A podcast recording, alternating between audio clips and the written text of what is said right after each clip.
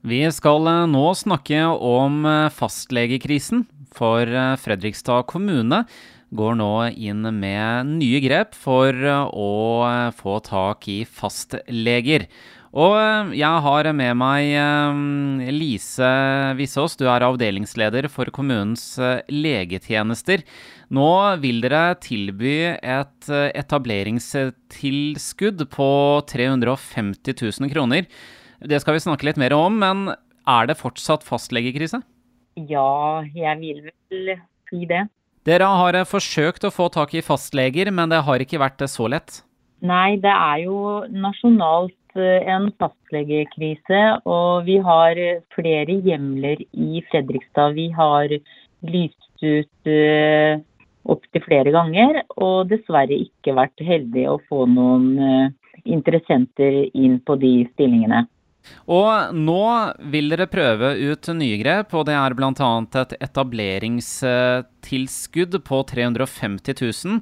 Og dette vil fungere ved at man overtar en annen fastlege som slutter, og at terskelen inn vil bli litt lavere. Det er jo det vi håper på, da. Og ut ifra hva andre kommuner har eh, gjort før oss da, med et etableringstilskudd, så har det vist seg at eh, flere har da kjøpt hjemmel.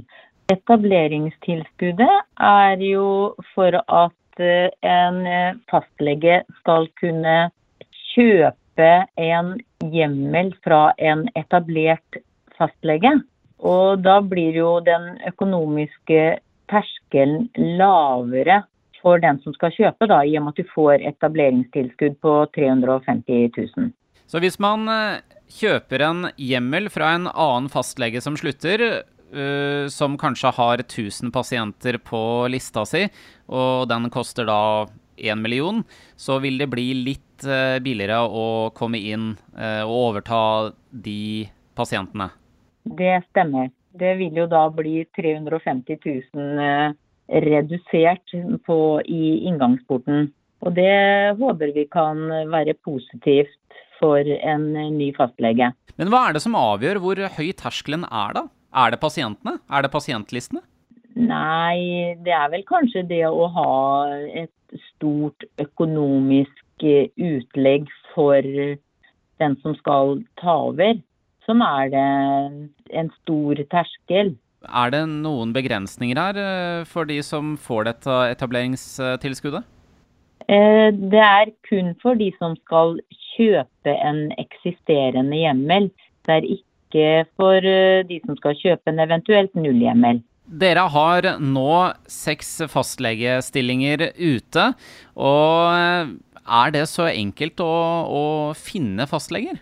Å finne de er vel kanskje ikke det helt enkleste, men nå har jo noen kommuner som er i nærheten av oss klart å fylle sine hjemler, så da får vi håpe at eh, vi kan lykkes også med dette etableringstilskuddet. Og da håper dere at dette kan på en måte være veien ut av fastlegekrisen? Eh, en start i hvert fall. Vi har allerede omsatt én hjemmel, faktisk. Men hva slags andre tiltak har dere gjort? Vi har jo startet to nye legesentre i Fredrikstad. Som er eh, to femlegesentre og der klarte vi å rekruttere forholdsvis greit. De unge fastlegene som stort sett skal inn i dag, de ønsker seg inn i større sentre med flere kolleger.